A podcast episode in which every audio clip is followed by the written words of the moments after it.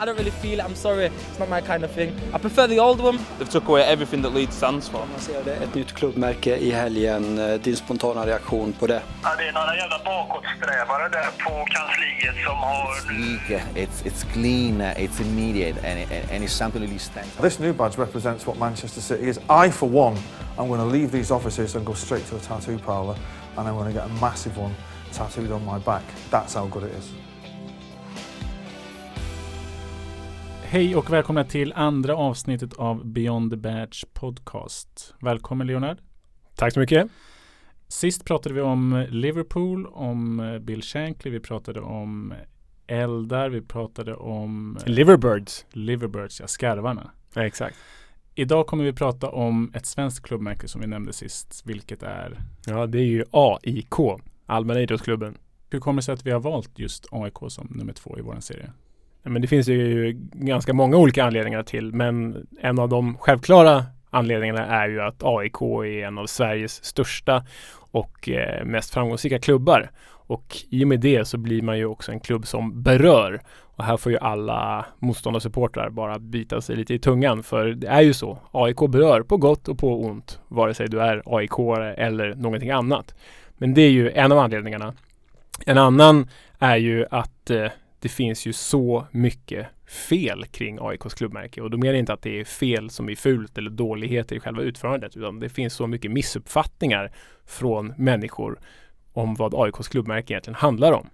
Så det är ju också en av anledningarna. Men det kanske mest spännande är mytologiseringen kring AIKs klubbmärke. För det går inte att prata med en aik utan att den personen, han eller hon, nämner att de har världens snyggaste klubbmärke.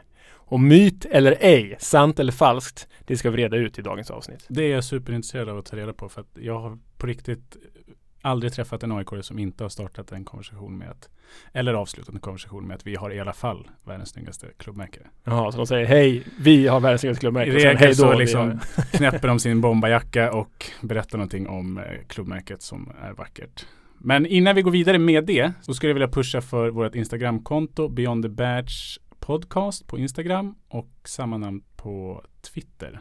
Där vi kommer lägga upp både bilder och information kring hur klubbmärkena har förändrats, utvecklats och där kommer ni som lyssnar kunna säga till vad vi säger för fel eh, eller vad jag säger för fel och vad Leonard eh, säger för rätt saker och följa med under avsnittets gång på vad det är vi pratar om och eh, vilka beståndsdelar som vi lägger under lupp.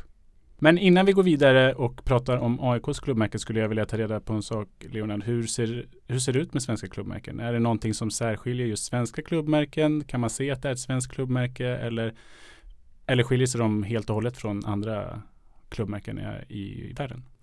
Ja men det gör de ju. Eh, det finns ju eh, faktiskt olika eh, skolor när det kommer till klubbmärken världen över. Där England är en skola, italienska klubbmärken ser ut på ett annat sätt och franska och spanska på sitt sätt och så vidare. Och det gäller förstås även för svenska klubbmärken då. Och eh, en väldigt tydlig tradition inom eh, fotbollsemblemen och, och fotbollsklubbmärkena är att man använder djur som allegorier eller som förstärkningar av sin klubb. Vi har till exempel lejon som hos Chelsea och Aston Villa står för mod och styrka och ska liksom sätta skräck i motståndarna. Men vi har ju örnar också som Palermo och som Lazio som vittnar också om mod och styrka men om en strävan uppåt, en strävan om att bli någonting bättre. Och de här djurallegorierna som är väldigt vanliga i just då eh, i Italien och England till exempel och i större delarna av världen finns knappt i, i svensk Ah. elitfotboll. Det är ju liksom, ja det är väl IFK Göteborg med sitt lejon. Jag tänker på Syrianska som har någon form av eh, Syrianska örn eller vad det är. Ja men precis och Östersund med sin falk och sen Dalkurd med sin dalahäst. Just det. Och det är ju en trähäst så det är inget djur egentligen. Men, men det är mer en regional symbol. Men det är ju en grej som särskiljer eh, svenska klubbmärken från eh, stor del av övriga världen. Just det. Men en annan sak, kanske mest tydliga, det är kontinuiteten. För tittar man ut i världen och kanske främst i fotbolls-Europa så är det väldigt ombytligt. Klubbar som Liverpool, Inter, Bayern München har haft uppemot tio klubbmärken genom åren sedan de grundades. Byter vi nya ägare eller nya eh, ledningsstrukturer eller för, ja, bara för att modernisera sitt klubbmärke och hänga med i, i designmässig utveckling. I Sverige och hos svenska etablerade klubbar så eh, i regel handlar det om att man har haft två, kanske tre klubbmärken. Det finns några undantag som Malmö FF och IFK Göteborg. Men i regel så har man haft eh, ett, två eller tre klubbmärken. Och eh, det säger en del om Europa och det säger ganska mycket om Sveriges tradition och kultur. Det säger väl också lite om att det funkar i klubb, fotbollsklubbar som det funkar på kommunala arbetsplatser. Att här har vi alltid gjort så här. Ja, ja men precis. Här har vi alltid gjort så här. Varför ska vi göra på något annat sätt? Exakt. Mm. Kan man se någon slags modernisering då i svenska klubbmärken eller är det helt dödfött? Ja, men det, det kan man ju göra om en ganska litet. Jag skrev en artikel i höstas i Offside om klubbmärken som varumärken. Eh, det kommer vi prata om senare i, i den här podden kan jag tänka mig. Men eh, där är det så att Häcken skapade ett helt nytt klubbmärke 2013. Och då satte man ner och räknade hur många klubbmärken har ändrats sedan dess i allsvenskan kontra de stora europeiska ligorna. Mm. Och i Sverige, utöver Häcken sedan 2013 fram till idag, så har AIK och IFK Göteborg bara moderniserat eller pillat på detaljer med sina emblem. De har inte ändrat dem, de har inte förnyat dem, de har bara twistat om lite grann för att följa med i utvecklingen. Vad har IFK Göteborg gjort där då? Ja, de har ju tidigare i år så eh, moderniserat, de, de touchade till, ret, retuschade kan man väl säga, sitt, eh, sitt klubbmärke så att det ser lite annorlunda ut för man har tagit bort en blå board, till exempel en blå ram. Men det, men det otränade ögat ser nog egentligen ingen skillnad. Så det är på väldigt, väldigt detaljnivå. Men om man jämför med andra stora ligor så under samma period så har alltså fem Premier League-klubbar skaffat helt nya klubbmärken så som Häcken gjorde. Eh, Serie A, sju klubbar som bara bytt emblem rakt upp och ner och eh, franska Ligue 1 var värst. Då var det tio klubbar, alltså halva serien som skaffat nya klubbmärken på de senaste sju åren. Så Sverige är ju väldigt måna om sina gamla sköldar. Verkligen. Där kan jag också, jag läste någonstans om att AIK la in en motion till hela AIKs idrottsförening om problemen de hade med färgskalan. Det tror jag att vi kommer prata också om själva AIKs fotbollsemblem. Men de hade problem med färgskalan som när de skriver ut färgerna på klubbemblemen i de olika idrotterna så har, har de inte haft någon tydlig regel för vilka färger som faktiskt gäller. Så att ibland är det lite åt neongult håll och ibland är det lite åt det blåa hållet i det mörka och ibland är det helt svart. Och där har det blivit så stor grej så att de hade liksom ingen entydig grej om vad som var AIKs färger. Så de var tvungna, 2007 tror jag, jag kan ha fel, här får man jättegärna gå in på Beyond the Bears podcast och kommentera om vad som är rätt eller fel. 2017 var det faktiskt som jag inte missminner Ah, mig. okej. Och det, det, det är den detaljen som AIK gjorde då. Så de Ah, okej. bara skaffade en enhetlig färgkodning för sitt klubbmärke egentligen. Ja. Ja, bra! Tack.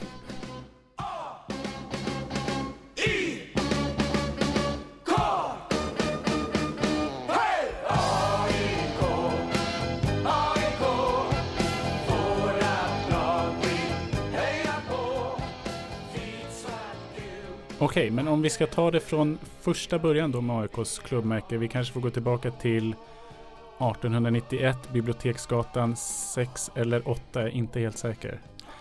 Ja, adressen låter jag vara osagd, det får du. Det får du. Jag vet att det är Biblioteksgatan 6 eller 8, men om vi börjar med det första klubbmärket som AIK hade då.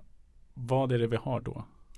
Ja, alltså historiskt sett så som vi var inne på, AIK värn har ju verkligen värnat om sin klubbmärkestradition. För de har ju bara gjort ett enda stort skifte eller klubbmärkesbyte under hela sin existens. Och det var ju 1898 då dagens sköld skapades.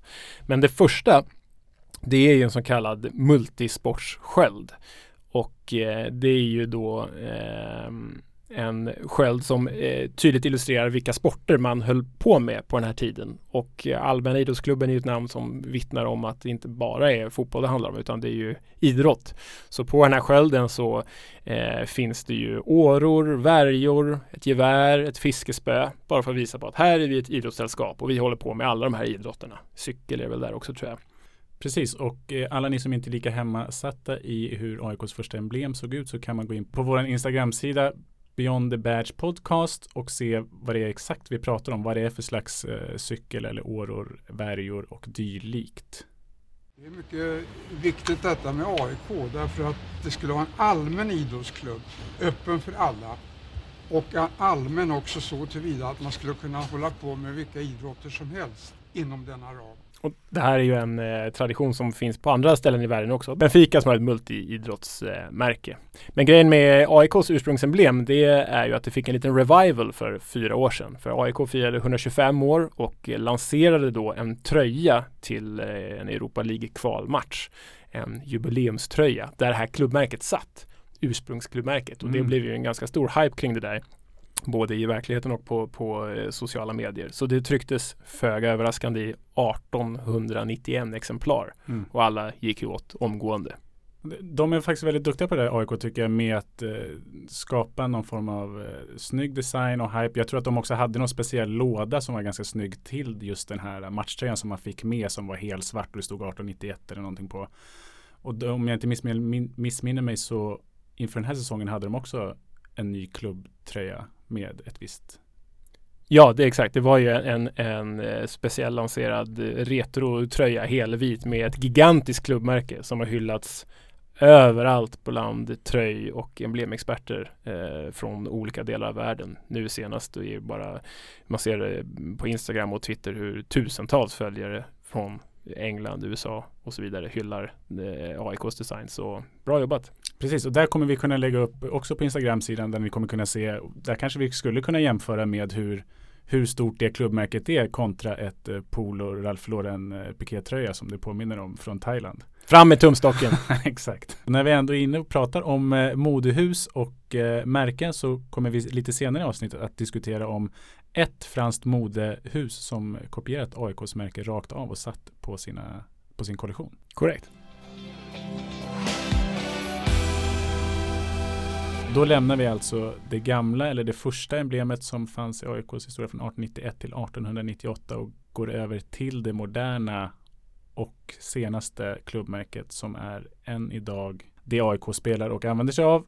Det vi kommer lägga först under lupp är den mest ögonfallande delen, kanske solen som många tror sig veta var den kommer ifrån. Men du har en tydligare bild av vad den består och kommer av.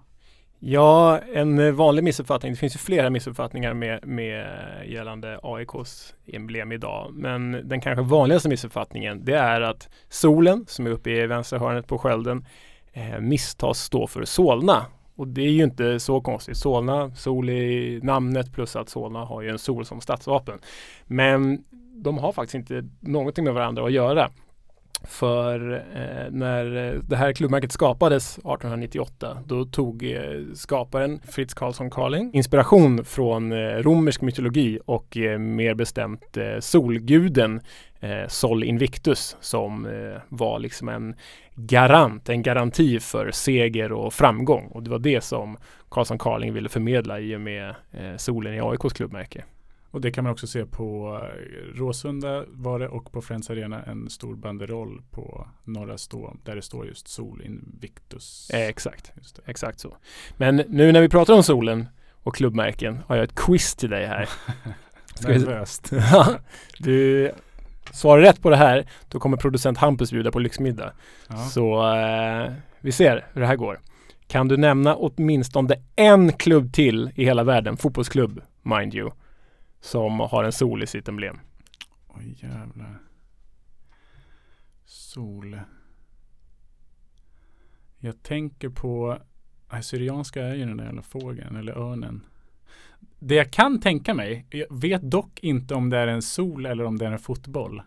Jag har precis sett eh, Sunderland till I die. Men jag, jag har ingen aning om det är en fotboll eller en eh, eller en sol. Så jag, får- jag får chansa på eh, Stadium of Light eh, Sunderland. Sunderland är...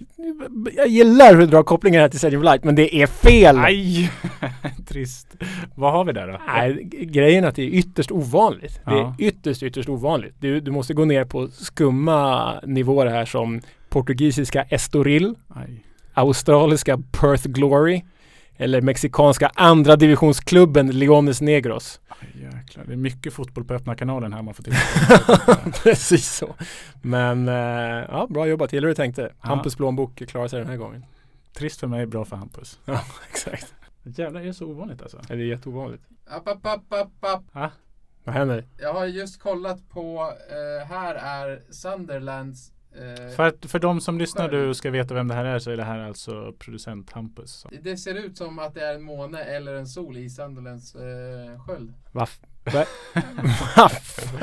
Det vi skulle kunna göra det, det är ju en sol eller måne där ju. Ja, Någonting är det, men det vi skulle kunna göra är att vi lägger upp det på våran Instagram-sida och Twitter-sida Beyond the Badge Podcast och gör en omröstning så att ni som lyssnar får antingen backa mig eller Leonards tes eh, om att det är en sol. Jag säger att det är en sol. Leonard, du... du Ja, det måste vara en måne. Vi, vi, nu, nu måste vi sätta dit David. Det är en måne. Exakt. Tänk på Hampus plånbok också.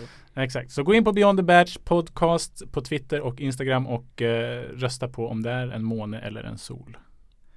Så, eh, då lämnar vi alltså, zoomar ut lite, lämnar solen och eh, zoomar in på AIKs klubbmärke och då gör vi det högst upp mot eh, de tre tornen och eh, vad de står för. Finns det några missförstånd där eller är det solklart vad de står för? Nej men, eh, nej det finns faktiskt missförstånd där också. Eh, om än inte lika tydliga. Är det torn? Är det en borg? Vad är det för någonting? Och eh, alla vet kanske inte det här men eh, kungafamiljen eller den svenska konungen är ju faktiskt eh, hedersledamot och eh, officiell beskyddare av AIK. Um, ehm, och eh, det är där i missförståndet ligger. Då tror folk som vet om det här men inte har full koll på klubbmärket. De tror att det här är en kungakrona. Att det är en referens till den svenska konungen och kungafamiljen och dess beskydd. Som man gör i Spanien till exempel med Real Madrid, Real Betis, Real Sociedad. Alla är ju skyddade av spanska kungahuset. AIK Okej. skyddade av Så kungahuset har alltså valt AIK. Vad har vi för kända? Vi har ju Gym-Danne, Victorias eh, snubbe som är trogen AIK-supporter. Vad har vi mer för kända AIK-supporters? Har, har du koll på det? Nej, jag vet inte. Det är väl han eh, eh, Niklas Strömstedt va? Han är väl AIK? Just det, Alex ja. Schulman vet Ja. jag är AIK-are. ja, Lennart Johansson då som gick bort. Ja. Eh, tråkigt. Mr AIK kanske. Ja, Mr AIK, precis. Det är väl de vi har förutom eh, bilförsäljarna på Bilia med uppfälld polokrage som är AIK-are. Men om vi ska ta reda på De vad är som- ganska många. Det är de. Men om vi ska ta reda på vad är det då tornen eh, står för om det inte har någonting med kungahuset att göra? Alltså det är, det är ganska enkelt att motbevisa den här tesen. För det var nämligen 1907 som eh, dåvarande kronprinsen Gustav Adolf gav AIK sitt och kungahusets officiella beskydd. Men klubbmärket skapades ju nio år tidigare, 1898 av Fritz Karlsson Carling. Och eh, det sägs istället komma då från skyddshelgonet och av ja, Sveriges skyddshelgon och Stockholms skyddshelgon, Sankt Erik. Han har ju en slags krona på huvudet. Och eh, det är ju lite speciellt för att Sankt Erik är ju kopplad till Djurgården kanske framför allt då egentligen. Mm, det skulle jag hålla med om att det var väldigt tydlig förankring där och jag vet att, eller vet, jag skulle säga, och här får folk jättegärna säga emot på sociala medier, men att Bayern också haft ett tifo med just Sankt Erik eh, i sig, om det var förra säsongen eller förra, förra säsongen. Så alla tre Stockholmsklubbar verkar ha någon form av anknytning till just Sankt Erik. Ja, det blir, det blir ju lite speciellt. Det blir som de stora världsreligionerna egentligen, samma ursprung. Men utöver Sankt Erik så finns det också en tes om att det har med Stockholms stadsmur att göra. Men det är framförallt Sankt Erik som är den starkast underbyggda tesen i det här fallet i alla fall. Exakt. Och det som vi nämnde i förra avsnittet om Liverpool var ju att eh, de flesta klubbmärken har ju sitt årtal eh, i klubbmärket. Liksom AIK längst ner till höger 1891. Om vi lämnar den detaljen så kan vi ta den diagonala balken med, eh, som vi benämnde tidigare, de olika nyanserna av gult kanske. Vad har vi på den diagonala balken i AIKs klubbmärke? Ja, Balken och eh, AIK är ju en extremt tydlig avsändare. Du har den här diagonala gula ramen liksom och så har du A.I.K. AIK, Allmänna idrottsklubben. Det är svårt att hitta en tydligare avsändare i svensk och internationell fotboll egentligen. Väldigt, väldigt tydligt. Men här i ligger också en missuppfattning och det är inte så mycket med balken att göra men det har med färgerna att göra. Mm. AIK spelar ju i svart och gult. Man säger att de är svarta och gula. Det finns nidramsor, en råtta svart och gul, fy fan vad han är ful, som bygger på deras färger. Men faktum är ju att de var, var inte svarta och gula från början. De var ju blå och mörkblå och gula. Som en hommage till svenska flaggan och den svenska identiteten. För det, klubben grundades i slutet på 1800-talet och då flödade ju nationalromantiken. Det var ju väldigt romantiskt och fint att vara svensk om man var i Sverige eller norsk om man var i Norge. ja, det kan jag inte så mycket om norsk historia i och för sig, men eller engelsk om man var i England och så vidare. Så det här är ju färgmässigt sprunget ur den svenska nationalromantiken. För man ville ju få in alla medborgare i denna allmänna idrottsklubb. Och de här färgerna korrigerades ju som du var inne på Mm. 2017 för att det skulle vara en enhetlig modernisering. Om vi också är inne då på färger så kan vi ta upp varför de kallas för Gnaget. Har du koll på det? Eh, här vill jag säga ja, men jag säger nej. Det vet jag inte. Nej, det har faktiskt med eh, Det finns olika teser såklart om det här. eh, Men den, den tesen jag väljer att gå på, och här får man rätta mig om jag har fel, det är på 20-talet så var AIK, de hade inte så många medlemmar. De hade en handfull gånger två kanske och därmed hade de väldigt dålig budget. Så när AIK spelade i sina svarta tröjor så var de tvungna att spela dem efter säsong efter säsong efter säsong.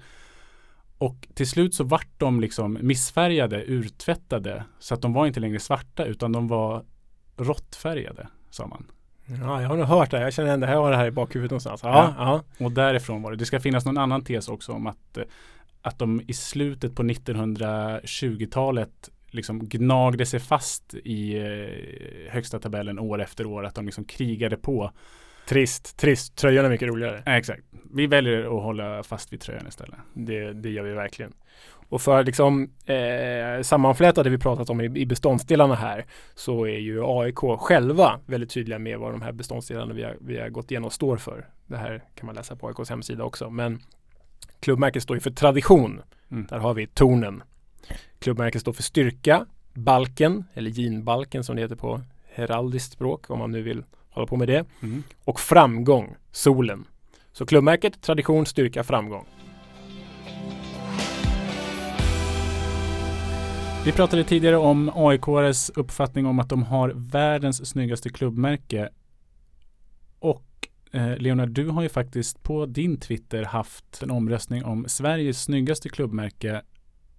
Där folk har fått rösta precis på vilket klubbmärke de vill. Det har varit liksom kvartsfinaler, semifinaler, finaler och vad är Sveriges snyggaste klubbmärke enligt dig, historien, legenden och Twitter?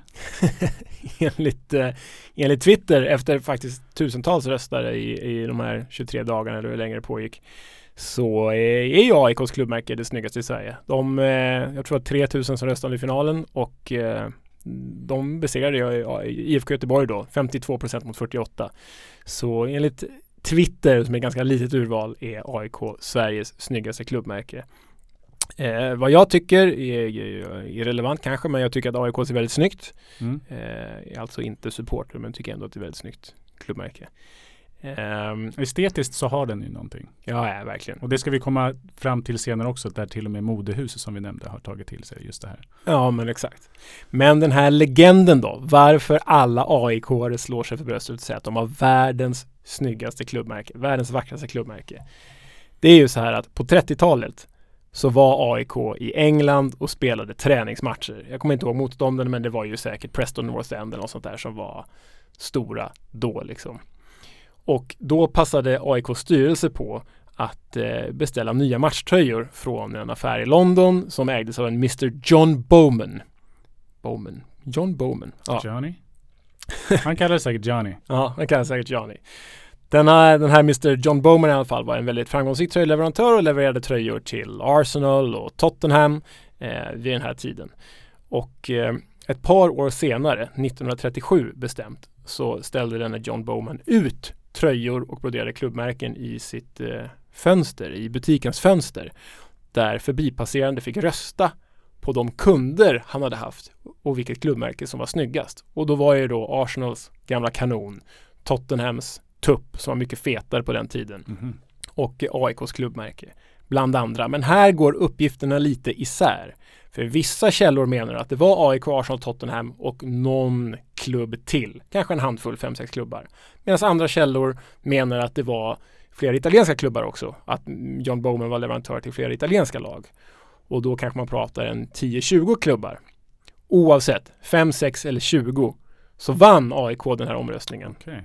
De förbipasserande röstade fram AIK som världens snyggaste klubbmärke. Så ja, i John Bowmans omröstning är AIK världens snyggaste klubbmärke. Men det handlar ju som sagt om max 20 klubbar. Så man kan ju ifrågasätta titeln ganska mycket. Exakt, och sen så vet vi inte vad det är för underlag heller. Om det är, är det Johnny Bowmans 20 mest alkohol alkoholiserade polare som varit inne och röstat och lagt en liksom V75 eller är det hela byn som har varit inne? Ja, byn, det var i London. Men är det någon? är det någon? Ja men det är mycket öl som har runnit under broarna där ju på 20-talet. ja det är säkert. Men eh, där kanske någon som har bättre koll får gärna informera oss. Men det är alltså därifrån det kommer, från en spelbutik i London. Ja, eller en tröj, tröjbutik i London. Tröjbutik. Ja, så är det.